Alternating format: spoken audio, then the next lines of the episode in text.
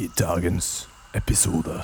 Ja, Så det handler om den transformasjonen. Mm. eh, og hele det ubevisste kan jo ses på som en drage inntil man blir kjent med det. Fordi så lenge vi ikke er kjent med de kreftene og de følelsene som ligger der, og muligheter, Mm. så virker det jo truende.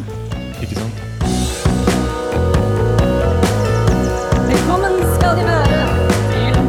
Smør-Jesus og kaninhullet.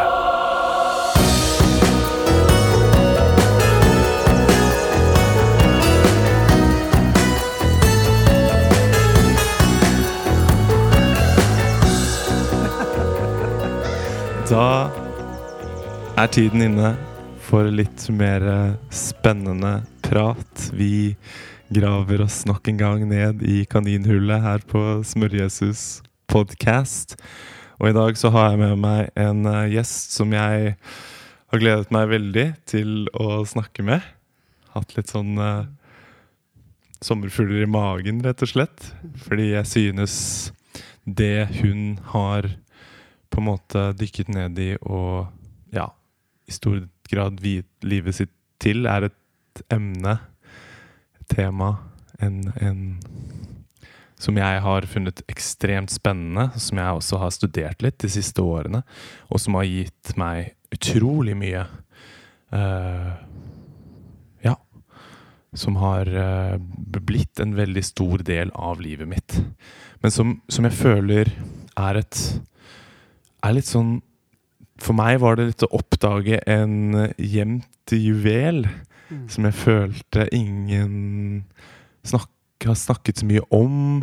Jeg føler når jeg spør folk rundt om, om denne mannen, eller eh, denne type formen for psykologi eller psykoterapi, eh, er at folk eh, ikke vet så mye om det egentlig. Og de som tror de vet litt om det, vet egentlig ikke om det.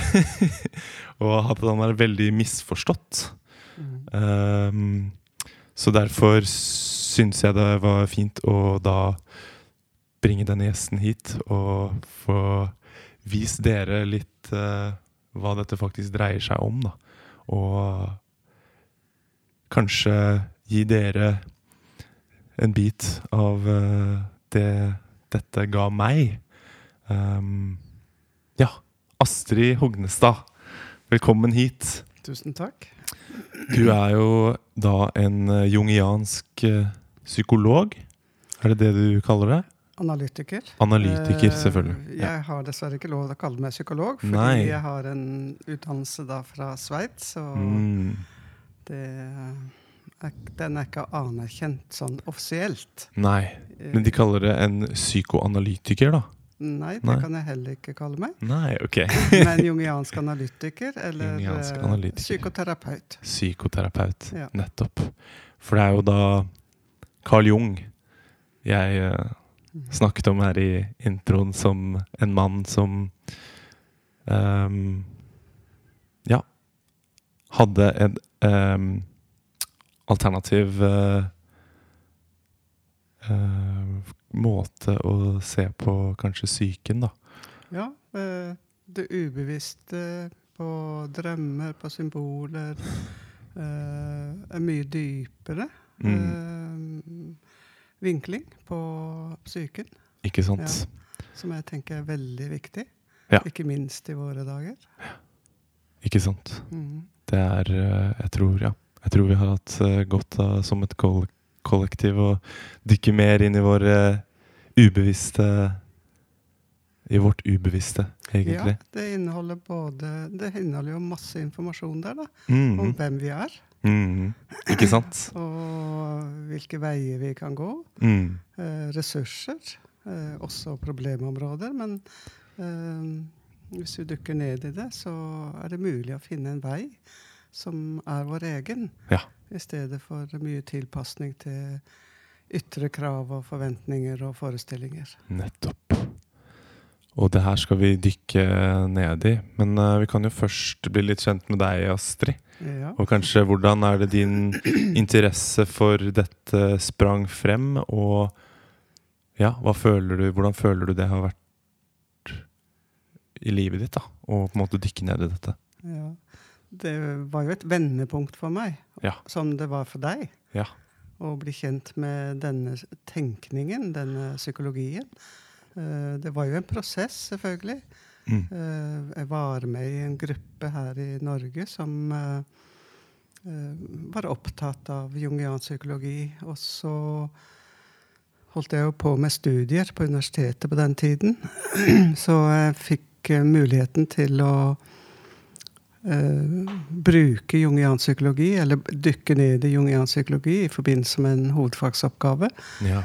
Og, det ble, og da bare kjente jeg at eh, dette må jeg gå videre på, på et Mm. mer praktisk plan. Mm.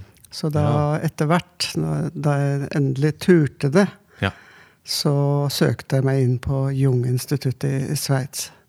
Men det var en lang vei, eh, Mm. fordi eh, jeg trodde jo ikke at jeg hadde kapasitet til dette, da. Nei. Så sånn er det med Ah. selvfølelse, at det tar tid. Blokkeringer. Blokkeringer, Mm. ja. Eh, og sånn er det med mange. Når det gjelder eh, deres veier og kapasitet, muligheter. Det Mm. blir eh, stengt. Og Mm. mange føler seg også stengt. Så, så, så sånn var prosessen. Så da jeg først kom meg til Jung-instituttet, så var jo ingen tvil om at uh, dette er min vei. Nettopp. Og så ble jeg jo i Sveits i nesten åtte år, da. Ja. Ja. Så Og siden den tid så har du vært Du har skrevet åtte bøker ja, det stemmer. om disse konseptene som Jung Ja. eh, bringte frem. ja. Og jeg har hatt en praksis Ja. med klienter og holdt mye kurs og Yes. foredrag og Spennende. Ja.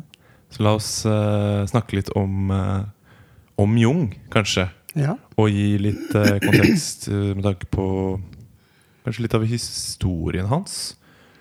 Og Eller reisen hans, da. Hvordan han fant frem til disse konseptene. Og mange Jeg føler det ofte jeg får høre, er at Jung er på en måte Var uh, apprenticen til eh, Freud. ja, men det er jo helt riktig. Og han var jo det. Han var det. I Altså en det liten periode. Men så ja, Så- en nokså lang periode. Ja. Uh, og det har jo Freud også tydelig uttrykt uh, Ja. på den tiden. For var, de møtte vel, møttes vel kanskje, i hvert fall i Freud sin idé om det ubevisste. da Ja. Og den ideen om at vi faktisk har ubevisste faktorer i oss som styrer oss. Som vi Ja, ikke er som- klare over. ja, som styrer oss på den ene siden, men som også ligger brakk. Ikke sant? Og som kan uh, komme frem og gi livet retning og mening. Gi informasjon, kanskje? Og gi informasjon, absolutt. Ja. Mm. Så de hadde jo et vennskap. Familiene omgikkes jo. Ja. Så Men så eh, begynte jo Jung å gå sine egne veier og utvikle sin egen teori. ja. Ikke Han sant? var jo psykiater. Ja. Uh, Freud var nevrolog. Ja, det er også interessant. Uh, og Jung kom jo borti mange fagfolk som inspirerte han. Mm. Og mye filosofi, og han uh, utforsket jo religionshistorie og filosofi verden over. Mm. Ja. eh, som som eh, bidro til utviklingen av eh, den teorien, da. Men utgangspunktet var jo likevel arbeidet med mennesker og hans egen prosess. Ja. Selvfølgelig. Han var jo i en voldsom prosess selv. Yes. Ikke minst etter uh, bruddet med Freud. Ja. For hva vil du si var den store klinsjen mellom Som Ja, det- dukket opp da mellom. Freud og Jung? Det var jo synet på det ubevisste. Ja. Uh, Freud var nok mye mer bundet til det konkrete i Mm. tolkningen av symbolene, av drømmene f.eks. Ja. Uh, Jung utvidet det synet veldig. Ikke sant? Ja. Og kom- Og kunne sammenligne symboler med eh, motivet fra eventyr, Mm. mytologi Nettopp. eh. Freud var Og, han, han la vekk, og jeg tenker det er et helt annet syn på mennesket. Ja. At det er eh, Det er så mye ressurser i Mm. mennesket. Selv om det har problemer, så ligger ressursene der. Nettopp. Ja. Og, og Jung fremhevet jo veldig dette kreative, dette helbredende, Mm. i psyken. Nettopp. Og, men denne, dette synet på det ubevisste, det var vel det springende punkt for bruddet. Ja. Ja, han For- utga en bok som heter 'Forvandlingens symboler'. Mm. Ja, som, og da Det da, likte Det syns ikke Freud var så det, Han ville ikke han være med på bord med. Nei, det var jo en eh, Det var jo noe annerledes enn det Freud selv hadde kommet frem til. Det var Ja. en utvidelse. Mm. Og, eh, så det bekreftet jo ikke lenger Freuds teori. Nei. Nei, og dermed så ble han eh, utstøtt, da. Nettopp. Ja. Mm. Og det har vel forplantet seg opp igjennom. Vil du si at det da var eh, Freud sitt eh, ego som kanskje kom i veien fra å eh, åpne seg for Jungs nye Ja, det Kanskje. er jo veldig interessant å tenke over. Hva var det? Eh, altså, det kan virke som om Freud var eh, redd for uh, det irrasjonelle i Ja. mennesket. Mm. Uh, mens Jung liksom var nysgjerrig på det. Ja. Uh, slik at Freud snakket om å demme opp for mudderflommen i det ubevisste, mens Jung mer var nysgjerrig. Slipp, og Ja, slippe altså, deg kanskje mer fri? Eller? Ja. Mm. utforske det. Eller utforske det? Ja, og lære Mm. seg å håndtere det, det som måtte det. komme. Mm. Ja. Og integrere det, da. Og integrere Som det. eh, Jung eh, Ja. Som vi kan snakke mer om eh, hvordan å integrere disse Ja, nettopp det er viktige begrep. ubevisste Ja. kreftene. betyr det et veldig det? viktig begrep, ikke sant? Ja. Um, nettopp. Um, for da kan vi jo kanskje snakke litt om Du nevnte at han reiste rundt og studerte religion og mytologi og Mhm. um, fant visse mønstre som han også da knyttet til Altså puttet det i en psykologisk eh, kontekst.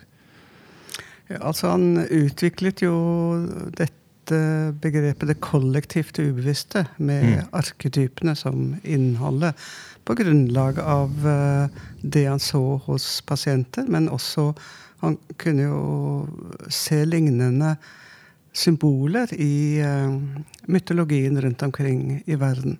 Ja. Og, og se at her er det noe universelt også. Mm. Det er selvfølgelig det personlige må jo alltid være med, men uh, han så videre enn det. Yes. Og tenkte at det må også uh, Det er en del av oss mennesker som vi må forholde oss til. Mm. Og det virk, han mente jo også at det virker som at det, var, det er en drivkraft Mm. I mennesket til å bli det det er. Yes. Det er et veldig Ja. spennende tema. Ja, ja. Men, men da Disse mytologiske tekstene, eventyrene, religiøse tekstene, som er, går under kategorien mytologiske tekster, på en måte. Um, som vi kanskje i vår kultur i dag ofte avskriver litt som uh, vandrehistorier, spøkelseshistorier, ting som vi brukte for å eh, forklare Altså beskytte oss fra å akseptere ting som døden, eller mm. Det som er større enn oss. det, det som er større enn oss, ikke sant? Ja, Um, som vi ikke hadde forklaring på. ja. Um, hva er det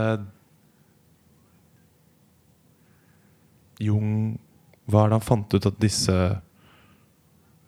mytologiske tekstene egentlig handlet om? Og hva er det de er, og hvilken funksjon spilte de i Eller har de spilt i menneskets uh, utvikling? Kan du si noe om det? Ja, for det individuelle mennesket. Jeg tenker, jeg har jo jobbet mye med eventyr. Mm. Um, og ser på dem som uh, symbolfortellinger om eh, muligheten i mennesket til å, å komme i kontakt med ressurser og mening. Eller det som gir mening i livet. Mm. Eh, og jeg tenker myt, eh, mytologiske fortellinger har samme funksjon. At de er fortellinger eh, med et eh, billedspråk Mm. for eh, en mulig utvikling. Ja. Og mulige Men også problemstillinger Mm. som man må forholde seg til. Men disse fortellingene fortell, eh, sier noe om, om eh, hvordan man kan forholde seg til problemet for å komme videre. Ikke sant? Ja. Så det er et sett med problemstillinger som kanskje er universelt da, for ja, det vil jeg jo si. For en utvikling.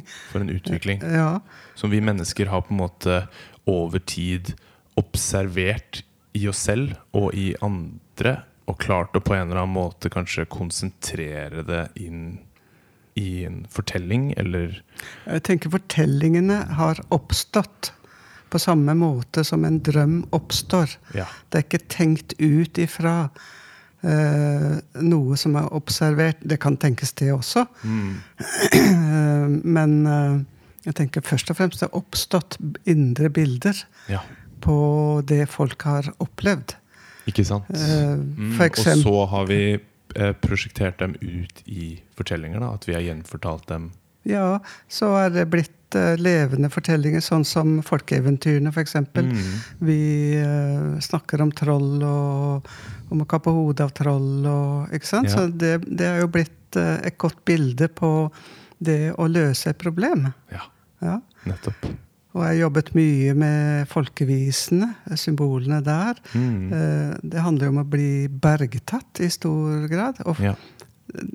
mange mennesker er bergtatt på den måten, ikke av en underjordisk eller troll, men av egne innestengte følelser og Mm. krefter. Og, Nettopp. ja. og, Så det er en litt sånn derre how to-guide i forhold til hvordan å kanskje jobbe med følelser, problemstillinger med, uh, som, Ja. vi, som vi har på en måte sendt gjennom generasjoner ja, videre, og som har på en måte videreutviklet seg ja, uh, sammen og, og formet seg sakte gjennom generasjon til generasjon. Ehm, og som kanskje vår syke da veldig lett kobler seg på, Ja. eller? ja, nettopp fordi det mm, taler til følelsene våre. Mm, Og ja, det er sånn det er. Nettopp. Det Ja. taler på et ubevisst plan. På et Så det, ubevisst det gir en klang som du ikke Ja. er Som ikke er oppi hodet ditt, men som er en mer kroppslig ting. Nettopp. Og Der liker jeg å bruke eksempelet f.eks. Star Wars. ikke sant? Ja. Hvorfor liner det seg opp folk i kø i ukevis for å komme og Mm. se den nye Star Wars-filmen? ikke sant? Det er, det, det, har, det, er en det er jo ikke bare fordi vi skal eh, Fordi det, det Det er er noe å drepe tiden sin Nei, med. Det nei. er jo fordi det, det gir en sånn gjenklang i oss. Å se denne helten som går gjennom disse eh, problematiske ja, problemstillingene. Da, Ja, ja. Og på en måte beseirer dem, og beseirer det onde. Og, ja. og det, det kaller til en kraft i oss, kanskje? Eller vil du si det på den måten? måten? At det er noe i oss som, som Det blir kanskje litt stort å okay. si det på den måten. ja. Eh, Men jeg tenker det, det appellerer til følelsene og mulighetene. Mm.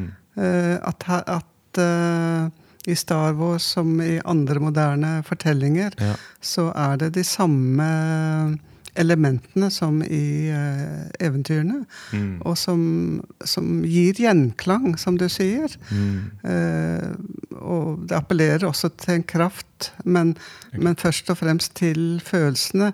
Og så merker man at det ligger jo en kraft i det. Ja. Å komme i kontakt med seg selv. For disse karakterene, da, Ja. er, er de representasjoner av følelser eller arketyper? Det blir et litt mer teknisk begrep. Mm. Som vi, kjenner, som vi gjenkjenner i oss selv? Så når Jeg vi ser også det onde i Som Luke da i Star Wars, Ja. eller som Frodo i Ringenes herre, Ja. er nødt til å liksom kjempe mot. Um, slik som jeg ser det litt, er jo at dette er en kamp som vi ofte kjemper i oss selv. Mm. Og at vi da har, som et vesen, har ja, ulike krefter i oss som, som jobber sammen, og som kanskje av og til også kjemper mot hverandre. Vil du se det på den måten? jeg syns det er en veldig interessant måte du eh, sier det på. Ja, Um, for det kan ofte føles litt sånn at du har disse to Man snakker om det å ha engelen og djevelen på skulderen, og at de Ja. står og hvisker deg i øret. ja. At du i hverdagen ofte står overfor ganske mange på en måte moralske valg. Mm. I selvfølgelig forskjellig grad av liksom intensiteten av eh, det valget. Mm. Om det er å velge pølser eller eh, pizza. Altså bare sånn til middag, da. ja. Eller, at- eller gulrøtter, som kanskje Ja, er sunnere. Gulrøtter og sunne. Ikke sant? Lage en salat eller stikke på kebabhuset Ja. og kjøpe seg en kebab. Det er jo et moralsk valg, på en måte. Ja da. Og at det vil være på en måte Av og til kan det være et veldig sterkt sug mot den derre tingen som du vet at du ikke egentlig burde Ja, det gjøre. destruktive. Mm. Og Det, det er da en kamp, da, litt sånn som Luke og Darth Vader som slåss mot hverandre. Mm. Ja. Eh, Ofte er det det, men ehm, det er også viktig å bli kjent med det, den motstanderen i oss. Fordi mm. alle disse kreftene har en funksjon. Ja. Og nå er ikke jeg så kjent med Star Wars. Nei, Jeg har, jeg har sett et par, par stykker, men, eh, men kan, kan, kan kanskje Er Kain og Abel et bedre. Ja, det er en egen historie, en egen arketypisk historie. Mm. Men altså, det er jo de samme elementene. Mm. Men det er mulig at eh, Star Wars har mer av dette med kamp Ja.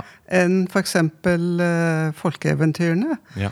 eh, som er selvfølgelig for mange unge i dag mer gammeldagse, men egentlig veldig eh, eh, moderne i den forstand at det er ekte symboler Ja. for prosesser.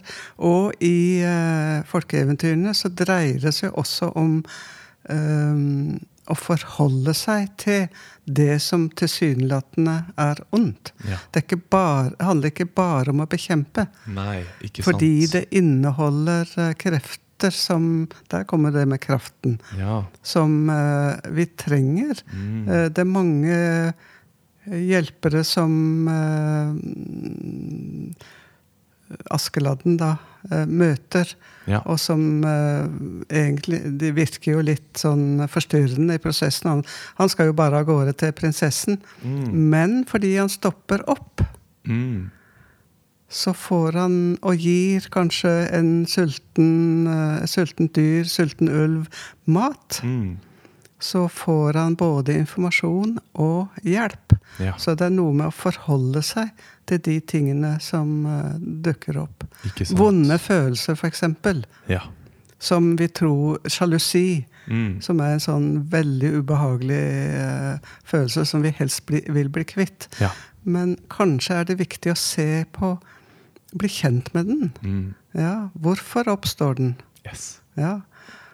Kanskje er det fordi jeg har eh, skjøvet noe i meg til side. Ja. Og, og, eller, eller misunnelse. Mm. Ikke sant? Og, og da, hvis eh, den følelsen får lov å virke litt, da Det er vondt. Mm. Men eh, så kan vi kanskje oppdage noen sider som ligger bak. Ja. Kanskje en kraft, en styrke. Ja. Eh, en evne til å stå opp for seg selv. Mm. Ikke sant? Og da avtar gjerne disse vonde følelsene. Ja. Slik at det har noe å gjøre med å forholde seg til det vonde. Ja. Ikke bare skyve det vekk. Nei. Jeg tror det er et veldig viktig poeng. Ikke sant? Ja. Og løsningen vi kanskje eh, bruker litt for ofte i dagens tid, er vel å prøve å skyve det vekk. Ja, og Altså, bekjempe. om å bekjempe Som ja. om det er en krig, i stedet for å, å, å spørre hva er bakgrunnen for dette her? Ja, nettopp. Og hva er utviklingen? Mm. Kan vi gjøre det annerledes, slik at det ikke blir på den måten? Mm. Ikke sant? Ja. Så Så disse følelsene, da hmm. Altså, det er jo klart at no, man må også ta stilling, som Ja. du eh, er inne på, til eh, Skal man spise eh, junkfood, Ja. eller skal man spise sunt, sånn Ja. i det lange løp? Mm. Vi står overfor valg hele tiden, Ja. også. Det er helt klart. Fordi vi har den skyggesiden ja. at vi har kanskje sug til gammelt mønster med å ikke bry oss med helsen, f.eks. Ja. Ikke sant? Ja. Og jeg bare tenkte på nå Kom på i Star Wars i slutten, så, så på en måte er det jo ikke sånn at uh, Luke faktisk beseirer Men han gjør vel mer uh, en uh, forsoning. Akkurat. Og Ja. ser da faren sin, som er Darth Vader, ja. i, i en, at de har en, et mer et vennskapelig forhold igjen, da. Akkurat. Og det er jo Men da kan vi jo snakke Du nevnte skyggen og et veldig kjent motiv, som vi også ser i veldig mange historier. Dette med en drage Mhm. Ja. som eh, da vi må beseire, på en måte. Det er jo det Ja. hel helten gjør. Men at den dragen da ligger på ofte og, og, og vokter en, eh, Skatt. en skatt Mhm. Som vi på en måte kan uh, bygge en ny verden ut av, eller som vi kan um, bli rikere av, da. Indre sett, ja. Og det, og det er samme motivet i, uh, i trollet, ikke sant? De har jo masse skatter i fjellet. Mm. Og det handler for så vidt om å beseire trollet, men, men eh, jeg liker kanskje ikke det ordet, men heller eh, Det dreier seg om en prosess. Mm. Eh, En eh, hovedperson må bli kjent med den som er fanget, Ja. og, og, og samarbeide Yes. for, eh, for at eh, trollet skal eh, gi slipp på skattene, da. Ja. Og jeg liker eh, Det er vel en egyptisk mytologi. Er det Tiamat? Ja, Jeg husker ikke hvem som beseirer hvem, da. Men personen som er helten, ja. eh, kapper han i tusen biter. Og så Ja. bygger han en ny verden ut av den. Ikke sant? Så det er på en måte ja, eh, det er en det transformasjon. Ja. Men, Ikke sant? Den, bekjem, den kampen, eller den eh, beseiringen, handler egentlig om transformasjon. Nettopp. Ja.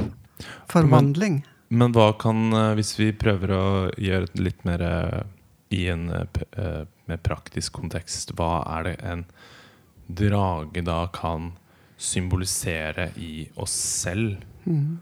Og ved å da For dette er jo det kjente motivet av at uh, en helt uh, frivillig velger å gå ut av sitt, sin trygge base og ned oftest i en grotte eller lignende. Mm. Et, et mørkt eh, Eller under vann, ikke sant? Mm.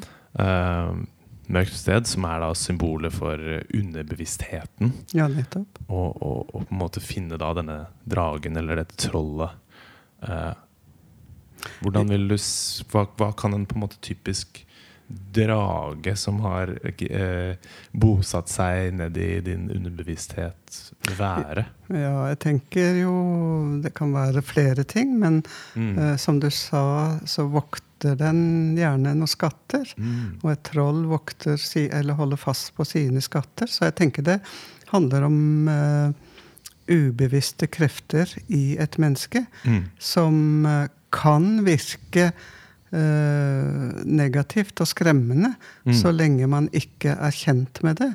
Ja. Ja, så det handler om den transformasjonen. Mm. eh, og hele det ubevisste kan jo ses på som en drage inntil man blir kjent med det. Fordi så lenge vi ikke er kjent med de kreftene og de følelsene som ligger der, og muligheter, Mm. så virker det jo truende. Ikke sant? Ikke sant? Vi er redde for, For å nærme oss det ubevisste og kjenne på angsten og kjenne på de vonde følelsene og, Ja. og sånn. Så jeg tenker dragen kan være et bilde på alt det. Ja. Og så blir den kanskje mindre etter hvert som man blir kjent med følelser og andre sider eh, ved seg selv. da. Ikke sant? Ja. Og så mister den eh, makt Mm. etter hvert. Og så får vi tilgang til stadig mer eh, energi. Ja. Krefter. Mot. Eh, mot. Ja. Eh, bli mer kjent med oss selv, rett og slett. Ja. Og, og den- bli den vi er. Ikke sant? Ja. For det er som om vår forståelse av oss selv og vår forståelse av verden Jeg ser på det litt som en, en, en øy. Eller hvis man eh, liker uh, 'Ringenes herre' og kjenner til den, at eh, du Den har. Bilbo da, i Ja. The Shire, som er hans bare Det er så idyllisk og så deilig og så trygt og så. Ja. godt og varmt og skjermet for Ja, eh, ja. Uh, potensiell skade, da. Ja. Men at um, Like måten utenfor. vi utvikler oss, og måten vi uh, blir mer av oss selv, dvs. Si, oppdager mer av kanskje verden òg, som jeg føler er en Ja eh, ren et, Det alt, vil alltid være et psykologisk event når du konfronterer noe nytt. Fordi du oppdager noe nytt der ute, mens på en og samme tid så oppdager du noe nytt inne. Fordi Ja. du vil reagere aktiverer noe nytt i deg når du oppdager noe Nettopp. nytt ute. Du vil reagere på det. Ja, og det vil alltid nettopp. ha en, en ganske, Av og til kan du overraske deg selv til hvordan du reagerte til det, denne nye tingen. Ja. Eh, så, det, så det å på en måte da gå ut av dette trygge Shire og på en måte Mm. lete i det ubevisste, det du ennå ikke vet, det Ja. som er ukjent for deg, Ja.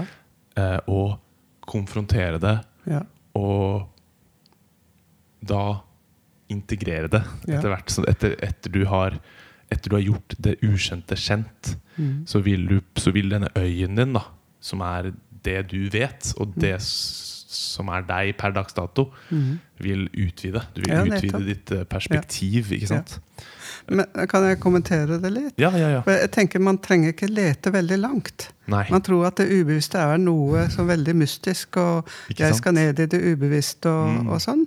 Men man kan jo bare legge merke til de følelsene man har, de reaksjonene man har i møte med andre mennesker. Mm. Øh, der det liksom er problematisk. Mm. Der man føler seg uh, tilintetgjort, f.eks. Ja. Der ligger det en mulighet. Tilintetgjort på hvilken måte, da? Ja, altså i relasjoner så skjer jo skjer det jo veldig mange ting. Ja. Eh, eh, noen under- bruker under, undertrykker andre. Ja. Ikke sant? Så kan man føle seg tilintetgjort, eller man føler seg satt ut, da. ja.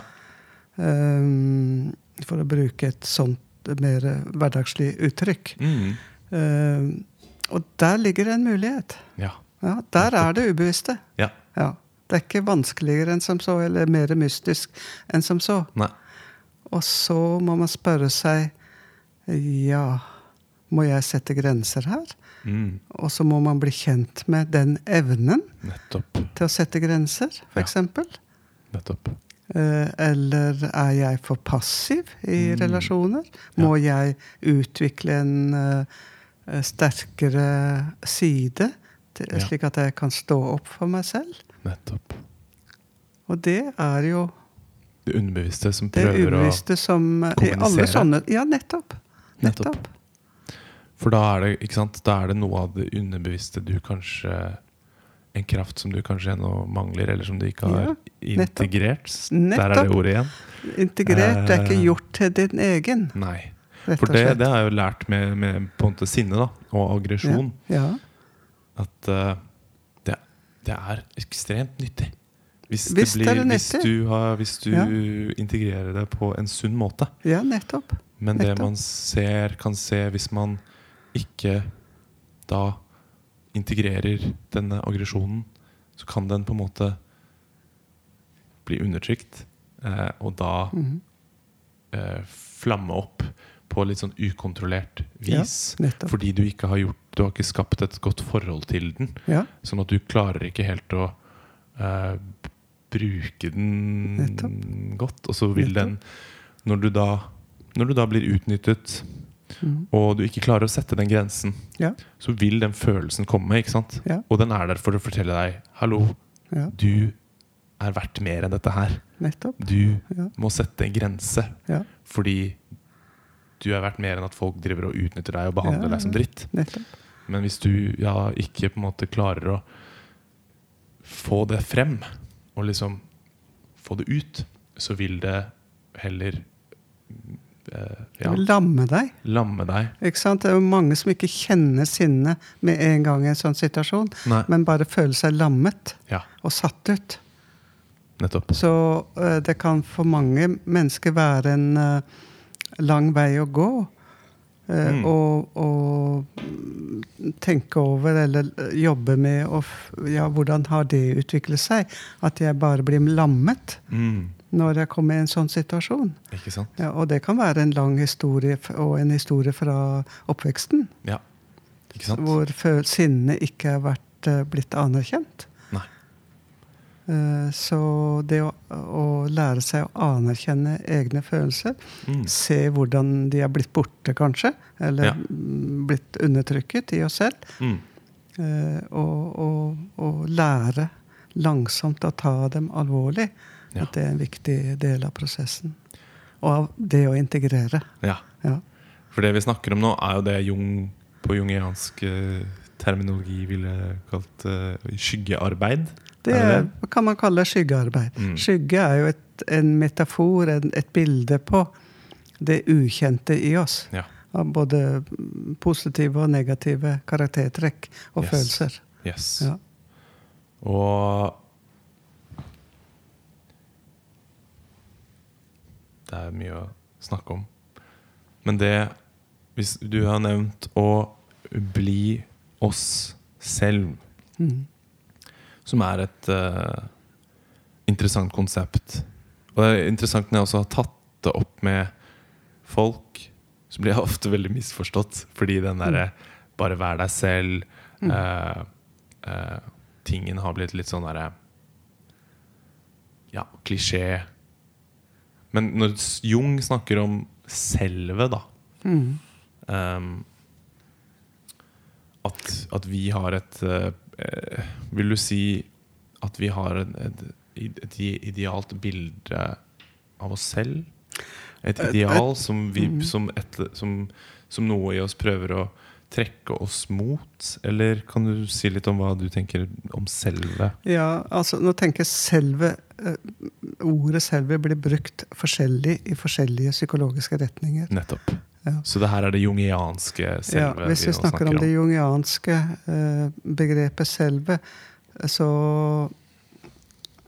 handler det om en Vi kan bruke et bilde igjen. En kjerne i oss, eller en helheten i oss, som mm. eh, forsøker å komme i kontakt med oss. Altså, vi har et ego som Mm. vi skal ha, for all del. Mm. Eh, Og det er egoet, eller jeget, som skal forholde seg til denne større helheten. Mm. Som eh, Vi kan ikke bli det selve. Men vi kan lære å forholde oss til det, slik at vi gir slipp på ting som uh, hindrer utviklingen vår. Ja. Uh, og, og, og, og bli mer den vi er, også i den betydning at vi er forankret da, i dette større, store selve. Ja. Uh, altså at vi tar imot budskap fra, gjennom drømmer, gjennom impulser, Mm. gjennom samtaler med andre mennesker, Ja. gjennom det vi opplever, Mm. og, og begynner å tenke over det. Ja. Uh, det er å forholde seg til selve. Slik at um, store selv, da, Ja. uh, er et annet begrep enn en selve i det som kalles selvpsykologien. Mm. Men en del av det vil jo være oss selv. Vi skal jo også bli oss selv. Ta i bruk våre evner og ferdigheter. Mm. Og bli kjent med følelsene. Ja. Det er jo en del av det Jung kaller individuasjonsprosessen. Det er grunnlaget for å gå videre og forholde seg til det ubevisste. Det er dette han kaller for ja, individuering. Ja. Som er prosessen av å bli oss selv. Bli oss selv forankret i en større virkelighet. Altså øh, forankret i det store selve. På den Ja. måten at vi, vi forholder oss, tar i, lytter når vi kjenner motstand. eh, stiller spørsmål hele tiden. Mm. Er det noe jeg må sli, gi slipp på? Er det noen Mm. bindinger til andre mennesker jeg må gi slipp på for å komme videre i livet? Nettopp. Er det noen vaner eh, eh, som jeg må jobbe med for å komme ut av? For å eh, slippe opp for noen nye sider ved meg selv, slik at jeg kan eh, forholde meg også an annerledes til andre mennesker. Ja. Det er jo også en viktig del av det. Det jo ba handler jo ikke bare om å, å bli selvrealisering i den betydningen at man skal bruke bare seg selv, men eh, det å bli seg selv handler også om en evne til å forholde seg til andre mennesker. Ja. Nettopp. Ja, og forholde seg til det indre. Til følelser, til indre bilder, til drømmer, Ja. til erfaringer, til møter med mennesker, Mm. til jobb, til ja, alt det Natur. Ikke sant? Ja, I våre dager er ikke det eh, Like det minste, tenker jeg. Nei. Nei, vi må lære oss til å inkludere naturen i vår individuasjon. Ja. Men er det på en måte For det vil jo Målet med dette vil jo, sånn som jeg tolker det, være å ehm, oppleve et så godt liv som mulig. Eh, og med Ja. tanke på det å forholde seg til personer, da. Det å forstå at du Den du er, er ikke bare du er et individ, men du er også en del av et massivt på en måte, nettverk som Mm. vil ha påvirkning på deg. Og du lever i et samfunn Mm. som også på en måte um, Så du lærer fort at det å bare fokusere på en selv utenfor dis, uh, uten å ta til betraktning disse andre, altså da dine venner og din familie, men også samfunnet som en helhet, Mm. at det ikke gir deg det beste utfallet, da. Mm. Og vil, vil da skape færre av de gode følelsene. Ja. For å si det på en veldig sånn enkel måte. ja. Men at ved å ta seg selv i betraktning, men også ta eh, sine venner, sin familie og eh, samfunnet som sin helhet i Og betraktning til alle Og naturen. Definitivt. I betraktning når du på en måte velger, da, Mm. som er dette her Jeg føler ofte kommer ned til alltid dine valg. ja. Eh, at eh, disse for eksempel mytologiske tekstene og religiøse tekstene er litt sånn eh, Hvordan å navigere deg gjennom verden, kanskje? Eller ja. eh, i forhold til mennesker, men også i forhold til deg selv, dine følelser. Mm. Eh, at det er det moral er, på en måte? Eller? ja. Det, det er jo det også. Og at dette er et moralsk arbeid, egentlig? Da. Også, ja. Ja. Det er et eh, psykologisk arbeid, først Mm. og fremst. Men så må man jo også ta stilling til hvordan man bruker det man blir kjent med i seg selv. Mm. Eh, at det handler ikke bare om å leve ut sine egne lyster, så å si. Nei. Bli seg selv på den måten. Men, eh, men se at man la, utvikler seg, utvider eh, repertoaret. Mm. eh, til å forholde seg til andre mennesker og til den helheten vi er, lever i. Mm. Både samfunn og natur. Mm. Eh, så et, så et, jeg er enig med deg at det er også eh, en moralsk utvikling. Ja, Ja, ikke sant? ja, og til syvende og sist handler det vel også om eh, eh, noe, det vi kaller sp noe spirituelt. Mm. Som er kanskje en enda større virkelighet som eh, eh, vi av og til er i berøring med i en Mm. sånn prosess. Ja, Ja.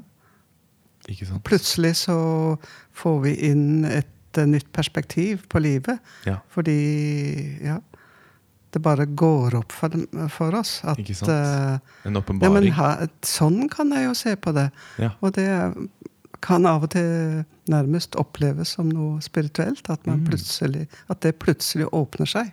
Det skyter noe nedi der fra himmelen? Ja, på en liksom, måte. man- Ja, ja. Wow. Det kan også skje. Ja. Ja. Og jeg tenker vi må være åpne for det. Ja. Og ikke bagatellisere den type erfaringer. Nettopp. Og det er et konsept som jeg eh, har tenkt på i det siste, eller som jeg har tenkt på lenge, men, men som har oppstått litt mer i det siste, da. eh, som jeg finner veldig interessant med det å gjøre et på en måte eh, psykologisk skifte på en eller annen måte. At du eh, kommer til frem til konklusjonen at vet du hva, denne jobben her den, den kveler meg eh, eh, sjelelig. Mm. Og du tar det valget, liksom. Mm. Selv om jeg er veldig redd for, for eh, at Fordi jeg ikke har noen plan om hvordan jeg kan eh, få Mm. meg en annen jobb, eller få gjort det jeg vil. Eller, men at man tar det valget, og du, du gjør det skiftet psykologisk. Så er det så veldig mange historier jeg, av venner jeg kjenner, og bare rent sånn anekdotalt, og, og av min egen erfaring, at sånne skifter kan på en måte skape du, du, du, Det er som om du kan få liksom sånne gaver Ja. fra uh, Av livet. At ting, ja, at universet, livet Mm. At ting bare ser ut til å løse seg da Mm. Uh, Når man gjør et skifte som er i mer tråd med ens egne ønsker Ja. Og ens egne eh, lyster da Ja. Eh, Og jeg tror Ens egne muligheter Ja, ikke sant? ja, og evner. Ja. Men altså, jeg opplevde jo også det med det skiftet Mm. fra det jeg hadde holdt på med før, til jungiansk psykologi. Så jeg er jo enig med, eh, med deg i det, og det, og det er jo veldig eh, flott å få, å få lov å oppleve. Mm. Men jeg tenker også det er viktig å være oppmerksom på at det er eh, noen mennesker som ikke eh, Som kanskje må holde ut. Ja, Ikke sant? absolutt Og at det er grunner til det også. Ja. Og at eh, det er mye å lære i det. Ja, Eh, hvis man liksom blir mer kjent med seg selv. mm. Så grunnen til at man blir kvalt, eller får den følelsen, ja. kan jo også være noe eh, med relasjonene Ja. på arbeidsplassen Ja. som man trenger å jobbe med for Ikke å sant? utvide perspektiv og, og, Nettopp. og ja. Det er et veldig godt poeng. At ikke da første reaksjonen kanskje er å slutte, men at man Nei. definitivt ser på hva er det som eh, ligger til rot her, og, og prøver å jobbe med det.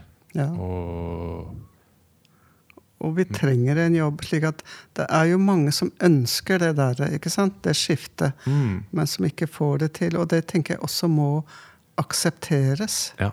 Det er ting i livet man ikke kan endre Ja. mange ganger. Ja. Og da ligger det også en utvikling i å akseptere det.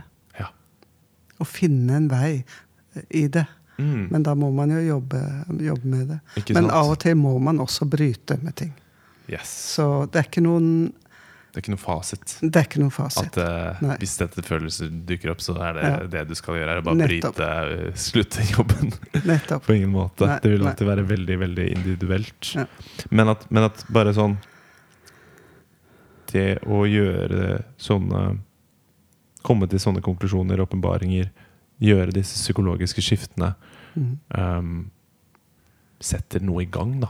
Ja. Og? Hvis du Ja. er i en jobb du, og du skjønner at Vet du hva, jeg er nødt til å i hvert fall jobbe Eller i hvert fall se om jeg kan finne noe annen jobb.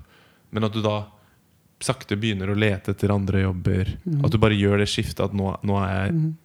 klar for å gå videre. Nå er jeg klar Mhm. for å Mhm.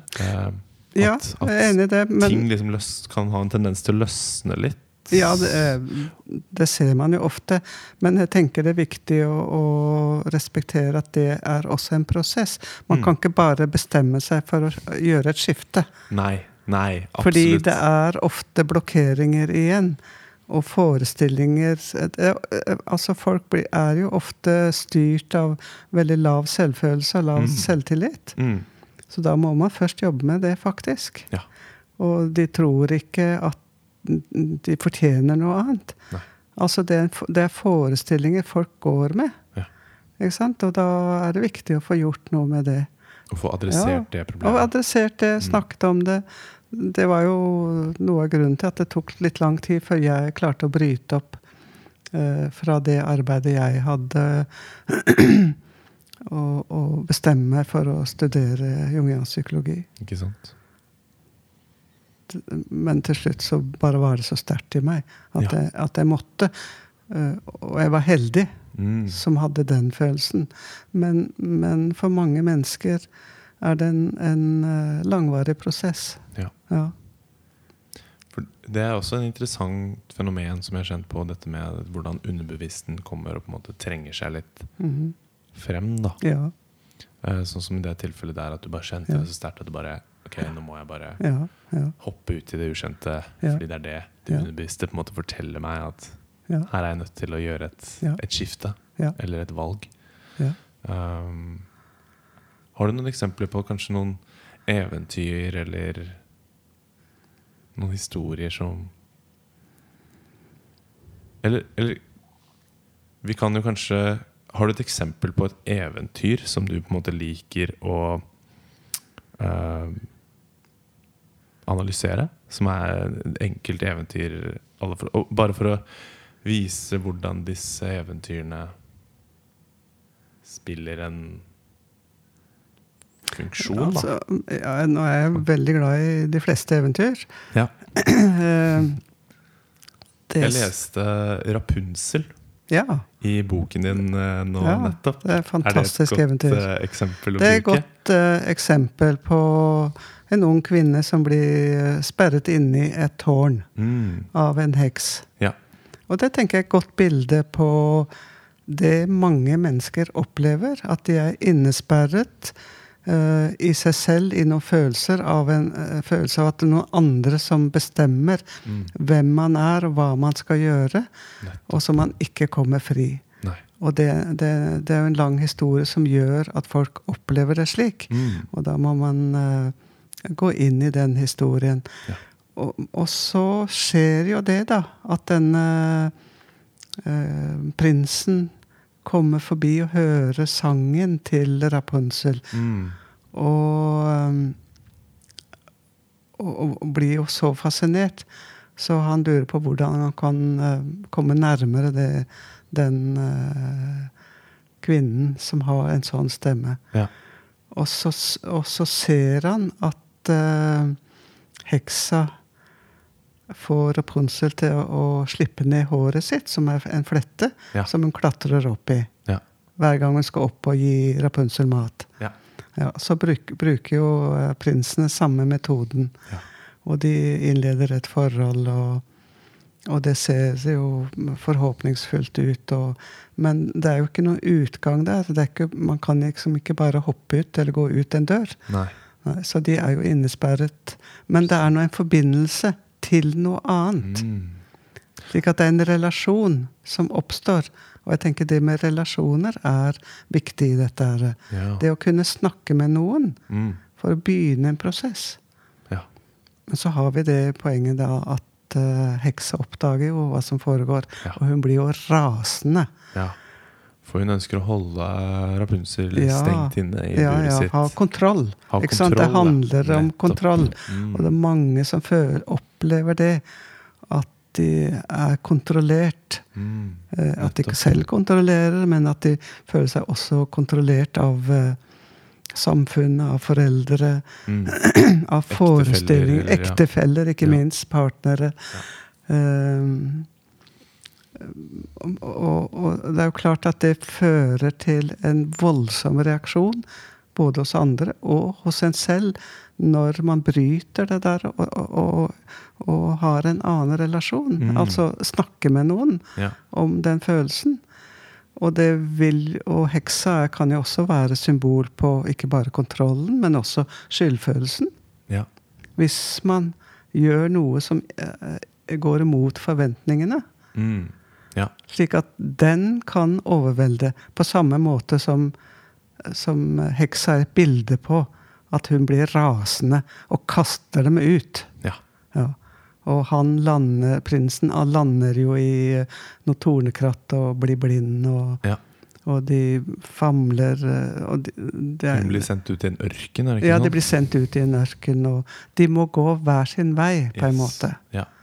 Altså, det sier noe om hvor krevende en sånn prosess er, Ja. også. At man møter veldig sterke følelser. Mm. Raseri, eh, misunnelse, sjalusi. Mm. Eh, ikke minst skyldfølelse, skam. Ja. Som man eh, må eh, forholde seg til, faktisk. Ikke bare skyve vekk. Også, men så har denne unge kvinnen hun har jo en vakker stemme, da. Ja. Altså, det er noe i henne som er bevart. Ja.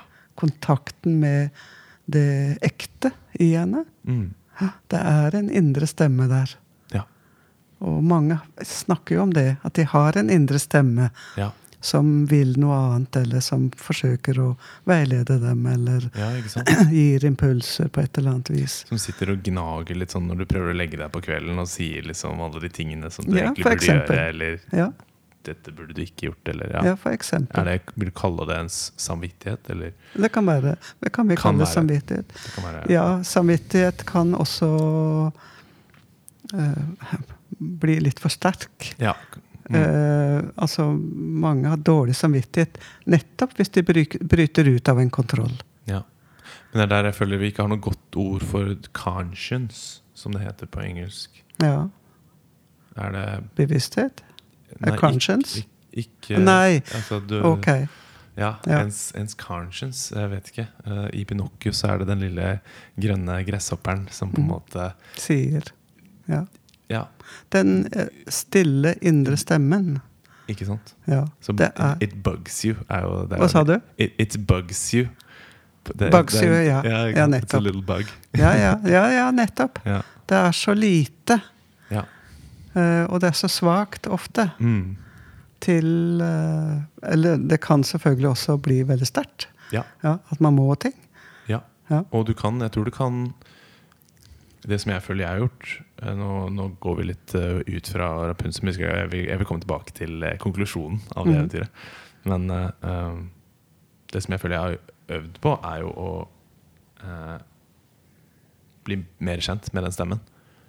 Det er så også, Man kan kalle det sånn magefølelsen eller intuisjonen. Ja. Også det at det er en Du står overfor et valg. Det er en Mm. sterk følelse som ønsker det. Mhm. Eh, og når du går imot den stemmen, Mm. så vil du fort som regel merke at det var feil valg. Ja. at du kanskje burde ha hørt på denne stemmen. Ja.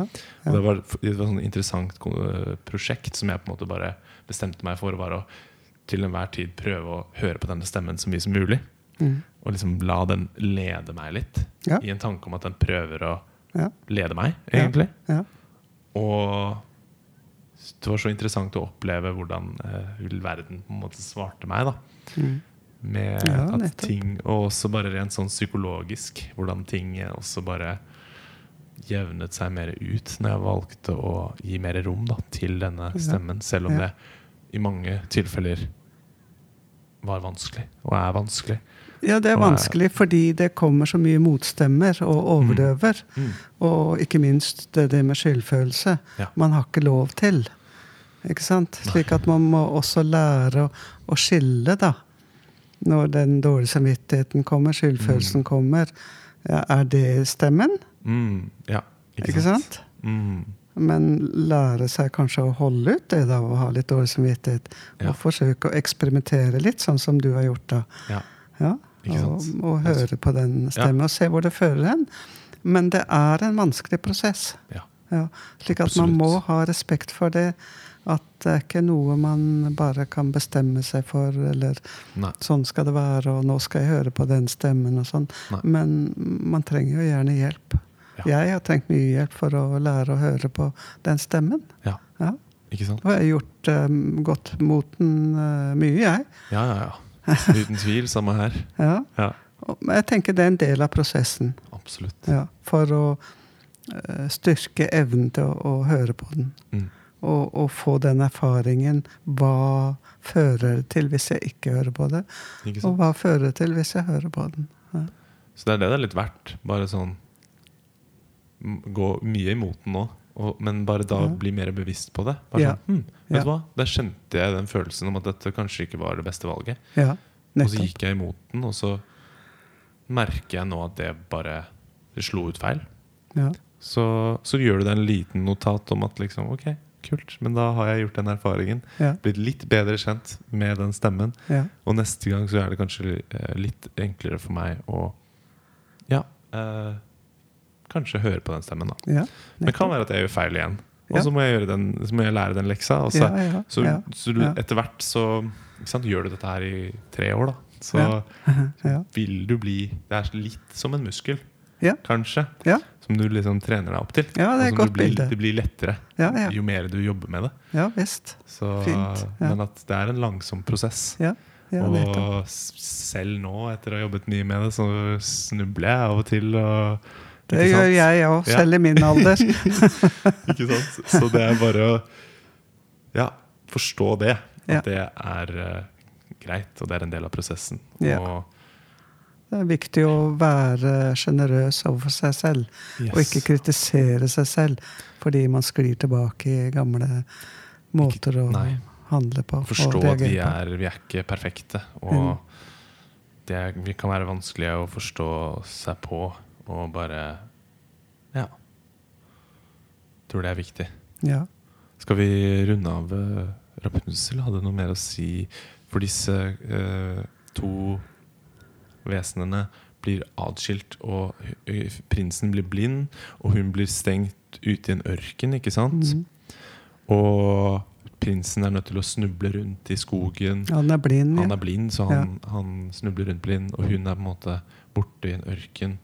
Men hun har denne stemmen, Som han hører. myke stemmen, Ja. som på en måte han uh, sakte blir dratt mot. Ja. Og det kan jo også være et bilde på- Den vakre stemmen kan jo også være et bilde på den indre stemmen som man trekkes mot. Ja. Selv om man er blind i overført betydning Mm. en periode. Man blir blendet og blindet Ja. av ytre ting. Eller av gamle mønstre, tankemønstre, og forestillinger. Og så Men så er det en, en stemme som ikke gir seg. Nettopp. Mm. For vil uh... Og så skjer foreningen, eller så, så er man i stand til etter hvert å høre mer på den. nettopp. Men man trenger gjerne mennesker rundt seg som kan støtte den prosessen. yes. For det er en vanskelig, krevende prosess. Nettopp. Mm. Og det er noe jeg eh, alltid understreker veldig i, med, i arbeidet med mine klienter, eller bare sånn generelt. Uh, det å menge seg med mennesker som skaper rom for at du Ja, kan jobbe med den prosessen du er i, ja, og kunne snakke om det, ja, være sårbar, ja, uten å At uh, de skal prøve å holde deg tilbake da, i dine Mm. gamle mønstre. For det er et interessant fenomen som jeg føler også ofte oppstår litt. da Som jeg husker jeg kjente på meg selv også i denne store forvandlingen som jeg har vært igjennom. At uh, du danner så sterke relasjoner med de du er rundt. Mm. Også når du da bestemmer deg for å skulle endre noe. ja.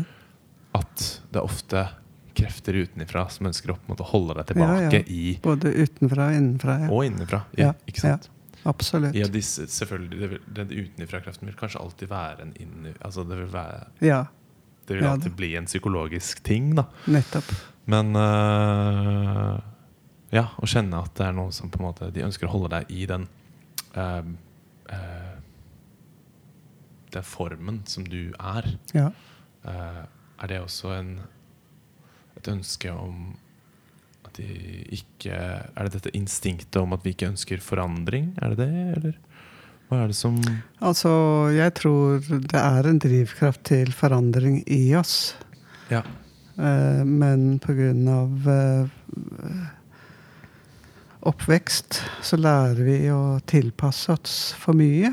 Mm. Og får ikke nok bekreftelse, og da blir det en eh, motstand Ja. mot eh, endring. Men selvfølgelig, det er jo også på en måte behagelig ja. å bli i det som uh, man er i, som man kjenner. Ja. Det er i hvert fall kjent. Så uh, det krever uh, litt ekstra at, å, å, å bryte ut av det som er destruktivt, men likevel litt behagelig. Ja. Så Ikke sant? det er noe med det Ta utfordringen. Mm. Ja. Og spørre seg selv hva, hva vil livet med meg? Mm. Nettopp. Og så uh...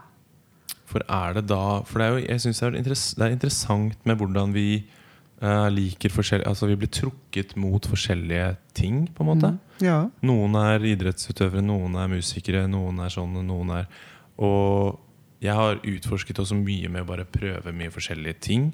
Ja. Det ble en sånn stor del av uh, denne utviklingen min at jeg bare prøvde å begynne å sjonglere. Jeg prøvde å begynne på kampsport. Jeg prøvde å begynne på dans. Jeg har liksom bare Ok. eh, Ja. utforsket, da. Ja. For å igjen da kjenne litt på sånn Nå går jeg ut i noe ukjent. Mm. Hvordan er det eh, kroppen min responderer på det? Mm. Syns jeg det er gøy? Syns jeg det er kjedelig? Syns jeg det er ekstremt spennende? Og at disse Noen syns det jeg syns kanskje er helt ok spennende, er ekstremt spennende. Og noen syns det jeg syns er ekstremt spennende, er ekstremt kjedelig. Mm. Vil du si at på ting som vi finner meningsfullt Altså ting som vekker vår nysgjerrighet, ting som vi finner engasjerende, er det Er det noe i oss som prøver å gi oss en informasjon om at dette her er eh, ja. Her kan du utvikle deg Her er det et rom for å utvikle. Her er det, Ja. Dette er et eller annet som, som speiler deg, da. Ja, Som absolutt. speiler en indre sånn For du, du nevnte Så- spørre livet hva er det livet vil med meg. Ja, ja. Er det Kan man på en måte la seg lede av de følelsene der? ja I, absolutt. I en tanke om at her er det et rom for meg å utfolde meg, Ja. kanskje? Og at man kan jo være sånn Jeg føler i Det er jo veldig kjent på en måte historie, det å kanskje ha foreldre som er leger eller advokater, og, og at man danner seg en idé, Mm. en, veld, en veldig sånn i hodet sitt, Mm. om at jeg skal bli en lege. Ja, ja, sånn som nettopp. pappa, fordi pappa Ja, har kanskje underbevisst pushet det litt på meg. ja, ja, Eh. nettopp. Det ligger i luften, liksom. Ja, Ja. Uten at man egentlig har gitt seg tid til å faktisk utforske hva er det mitt Ja, i gåsetegn kall er. ikke sant? Eller hva er det som engasjerer meg, da? For å si det på en nettopp. enklere måte. ja, nettopp. Uh, Ja. Interesse. Det er viktig å følge ens interesser. ikke sant? Ja. Utforske det. Og det gir jo veldig mening når man sier det. ikke sant? Ja. Utforske de tingene som man finner meningsfullt. Ja, Og at det derav vil få et mer meningsfullt liv. ja, ja, Som morsomme, som man har glede av. Ja, ikke sant? Ja. Så det er der jeg sier, pleier å si 'følg mening'. Følg det som gir Mhm. mening. ja. Og jeg føler at det er jo veldig ab abstrakt greie, men jeg føler samtidig at folk forstår, forstår det når jeg sier 'følg det som gir deg mening'. Ja. Det er som om mening er en, en følelse. ja. Hvor du føler deg bare eh, til stede og engasjert og ja. Nettopp. Jeg tenker det En følelse av mening eh, handler om å kjenne at det, det, det stemmer med en selv. Ikke sant? Det er et eller annet som resonnerer, Ja, det resonnerer. Riktig. Og det gir glede. Altså, jeg, jeg snakker også om eh, hva, hva gir det glede? mm, Ikke sant? Ja. Ja. Eh, og, og, og en tilfredshet og Mm. en opplevelse av å uh, få brukt seg. ja. Få brukt det man har i seg. Mm. Ja. Og det, er, så det meningsbegrepet inneholder mange ting, ja. tenker jeg. Ikke sant? Mange følelser. Ja. Så jeg tenker det er en fin måte å, å, å si det på. Ja. Hva gir det mening? Ja. Det er en retning. Ligger en retning i det? Ja. For jeg eh, hva, hva ville du gitt som et råd til en som på en måte kanskje har eh, Gjennom kanskje hennes foreldre, gjennom hennes kultur, gjennom hennes venner bestemt seg for å hoppe rett inn i et legestudie rett etter videregående fordi det var det man bestemte seg for da man var 14 år, ikke sant? og man på en måte bare har, eh, har den ideen, Mm. men som kanskje etter to-tre år bare merker at dette her er utrolig vanskelig. Merker at man blir deprimert. Mm. Ikke sant? Man blir sliten. Um, hva ville et, et råd Hvordan ville kanskje din fremgangsmetode hvis denne personen kom til deg? Mm. Hva, Ja, altså, jeg tenker Det er aldri for sent å endre på det. Nei. Om du har gått to-tre år på medisin og kjenner at det ikke er deg, mm, så har du fått med deg mye. ja. Men det går an å endre det. Gjøre noe annet. Selv om selvfølgelig, det koster penger. ja. Det er jo en del av det. Men eh, du skal leve med dette et helt liv. Ja. Ja, Ikke sant? ja. Men altså, jeg har endret yrke et par ganger, jeg. Ja. Fordi sant? jeg måtte videre, eller måtte Mm. jobbe mer i dybden etter hvert. Ja. Ja. For det Jeg tror ikke det er Jung, men det er et sitat jeg liker veldig godt, som er eh, På godt, på godt eh, norsk, holdt jeg på å si. Uh, what was once your savior can suddenly be the thing that is holding you back. Ja. Det som en gang var din redning, kan plutselig være den tingen som holder deg tilbake. ja. Fordi jeg føler at vi i kulturen vår ofte har en tendens til Eller sånn det er satt opp litt, er at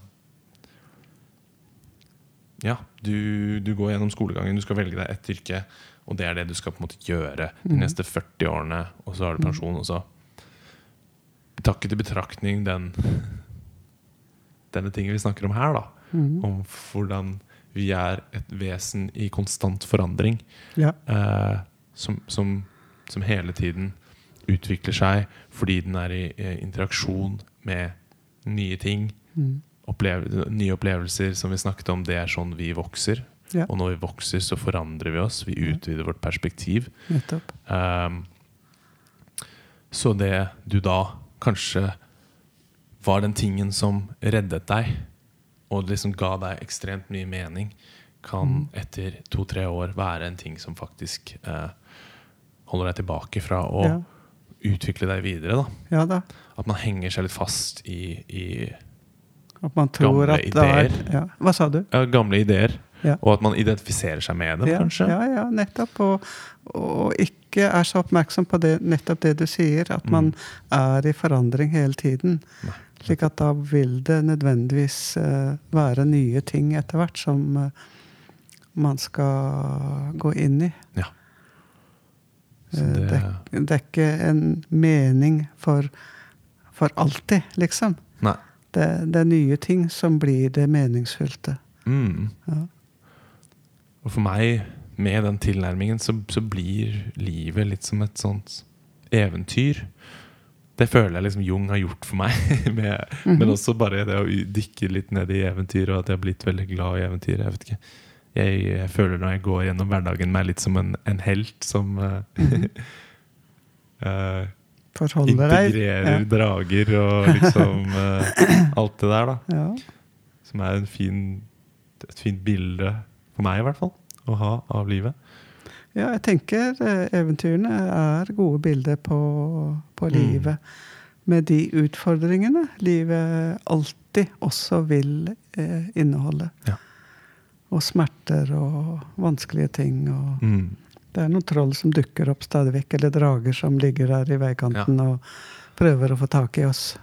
Tyranner. Tyranner og ja, det er, eh, når vi snakket om Rapunzel, så fikk jeg også Jeg hørte noen gi en liten analyse av faktisk eh, Moses ja, og, og faraoen og sin reise ut av Egypt. ja, Og syntes det var så fint bilde av egentlig dette vi snakket om, å klingre seg litt fast til en idé. Mm. Og ikke la den gi slipp. Og hvordan det kan føre til da eh, negative symptomer.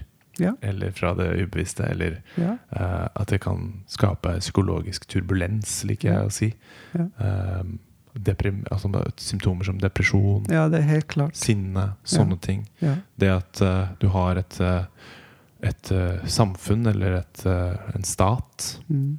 Egypt, som i sin start var et veldig rikt og, og harmonisk samfunn, men som etter hvert som faraoen regjerer, så blir det mer og mer tyrannisk. da. Mm. Og han på en måte eh, ja, utfører litt sånn diktator-tyrann-rollen. Ja. Og Moses, som da er helten i denne historien, eh, kommer og Som har da kontakt med Gud, Mm. som kanskje vi kan kalle for selve, selv om det er Gud er Det er et massivt eh, eh, konsept Mm. som jeg tror ikke vi har tid til å begynne å pakke opp her. Nei. Nei. Men eh, han har kontakt med, dette, med denne kraften da, Ja. og sier at denne Gud forteller han at du er nødt til å gå til faraoen og, og fortelle han at du er nødt til å slippe oss fri. Ja. Ikke sant? Ja. Men faraoen er Nei, han nekter. Og da sier Moses ja, men da kommer det, da kommer det til å komme en plage. ikke sant? Ja. Og så sier faraoen ja, ok, jeg tenker ikke mer over det. Det kommer en plage. Ja. Moses prøver igjen. Ikke sant? Og det er en prosess hvor du interagerer med denne tyranniske La oss kalle det den ideen, da. Ja. Ikke sant? Ja. Og så, etter hvert, så bare blir det flere og flere plager, ikke sant? Uh, alt bare begynner å bre altså brenne, og kommer frosker, regner fra himmelen, og ting blir bare verre og verre. Mm. Og etter hvert så sier faraoen faktisk også ja, Mhm. dere skal få slippe fri. Ja. Men så gjør han det ikke. Ok. Og det er også en sånn herre at du har kommet kanskje til konklusjonen at denne tingen her er en, en negativ Ja. ting for deg, men det er veldig vanskelig å gi slipp. Ja. Så det fortsetter å komme flere plager, og til slutt så er de plagene bare så sterke at faraoen er nødt til å bare Vet du hva, dere skal få lov til å gå. Ja. Og da tenker man at kanskje man blir sendt direkte til eh, himmelen. ja. Det, det landet med melk og honning er det vel de snakker om. Men de blir jo kasta ut i en ørken. Ja. Litt sånn som Rapunsel og ja, at de blir eh, blindet, og nå er de bare ute og snubler rundt i ørkenen i, i mange tusen år. Og der er det Moses nødt til å gjøre masse arbeid.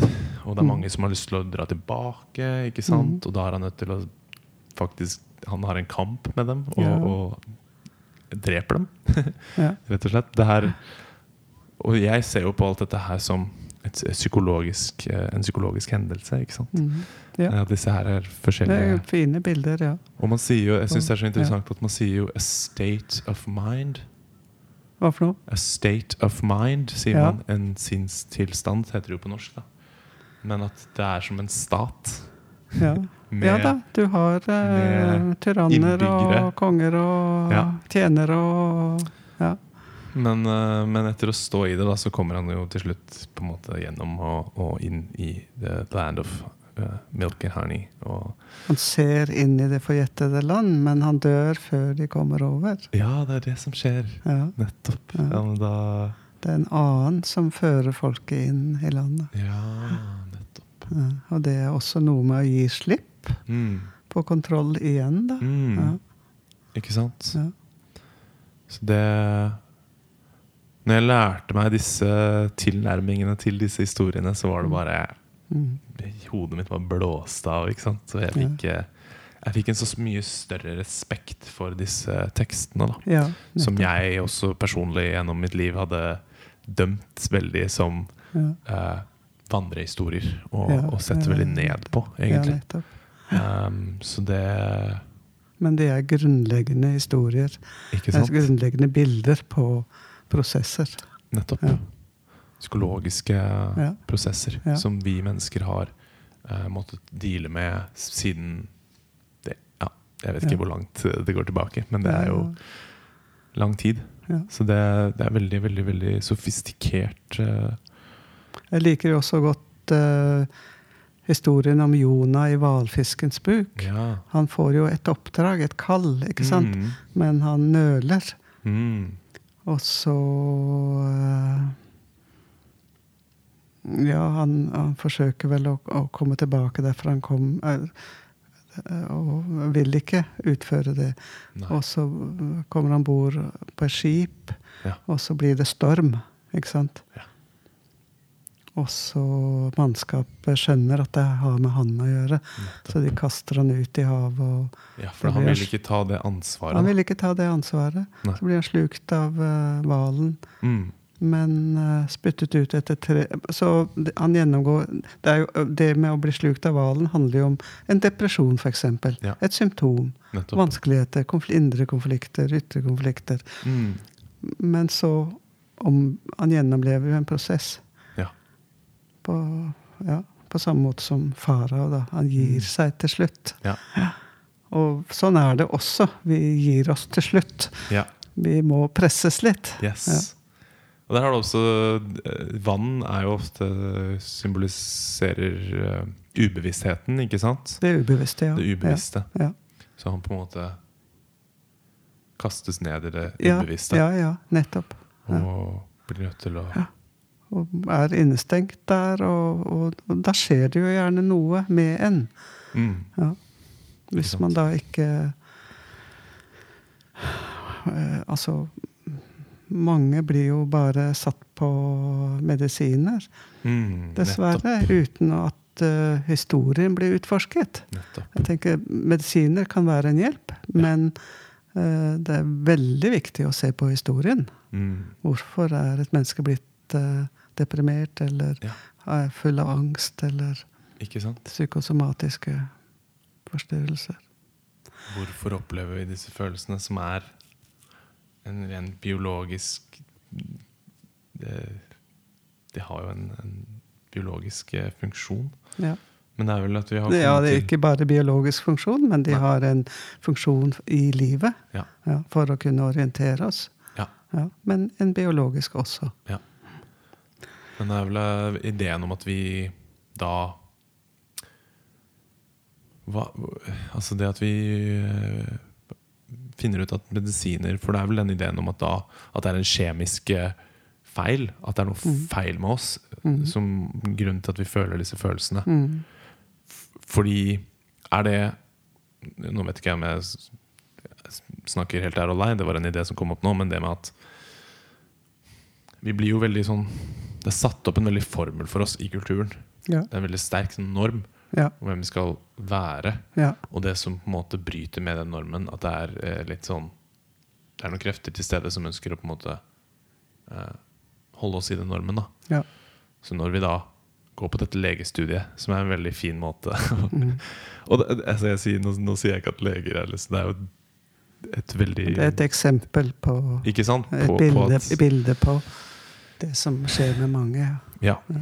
Men at uh, At uh, når man da kjenner at man Dette ikke passer for meg, Mm. og man opplever disse depressive symptomene, Ja. som på en måte bare kan være tegn på at Vet du hva, det er kanskje det er ikke dette her du egentlig skal gjøre. Kanskje det er noe annet du kan finne på som gir deg litt mer mening. Ja. Det er det den følelsen kanskje prøver å Er det det den følelsen prøver å fortelle deg? Den, Det kan være, men kan altså være. alt, eh, Ikke sant? Det- Men det kan være en historie i historien. mm, Ikke sant? Som kan hende det er greit med det studiet du har valgt, men at det handler om å finne din egen måte ja, i det studiet. nettopp. For eksempel slik at det er, eh, det er Ja. flere sider ved dette her. Det vil jo alltid være veldig individuelt, Ja. er vel egentlig poenget Ja, ditt. ja, nettopp. Men jeg prøvde kanskje bare å gjøre det, det veldig sånn konkret eksempel. Ja, og jeg men tenker det, det er fint. Det det er Ja. fint eksempel, og sånn er det for mange. Men bare oppmerksom på at det er flere Mm. aspekter her. Det er jo en uh, fin ting når man kan forstå at den depressive følelsen, som er en fæl følelse, Ja. ja, kan være en beskjed. Mm. Og bak Nettopp. den at det ligger eh, gull, egentlig, Ja, å nettopp. hente. da ja. Det er dragen som vokter gulvet. mm, Ja. Ikke sant? Da, da blir det Da blir det igjen et litt sånn der eventyr for å utforske Ja.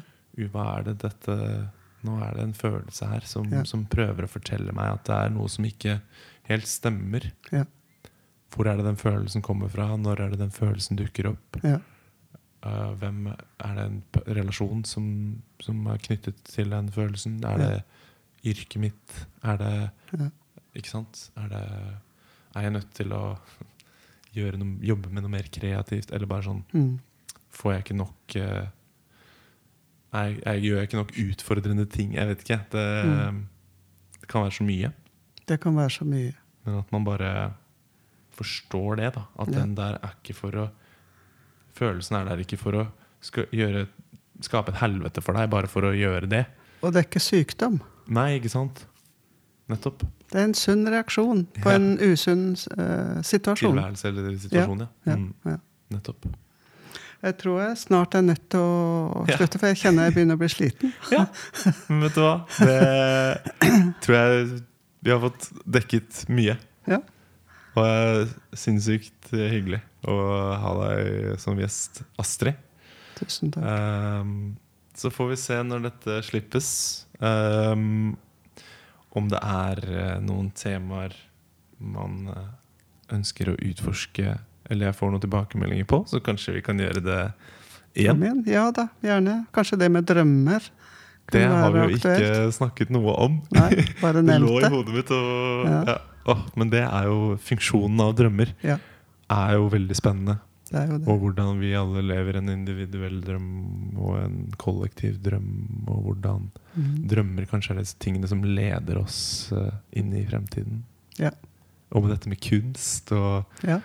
hvordan det også ofte er knyttet til eh, disse drømmene. Ja. Åh, det her er så spennende. Jeg håper dere har uh, nytt denne samtalen. Og da sier jeg takk for meg, og takk for oss. Takk skal du ha, Trym, for samtalen. Jeg syns det har vært fint Ja. å snakke med deg. Så bra. Så ja. Du har gode spørsmål og refleksjoner Herlig. som det er fint å respondere på. Ja, jeg syns vi hadde en, god, hadde en god dynamikk. Ja. All right. Fint. Da Smør-Jesus signing off. Bye.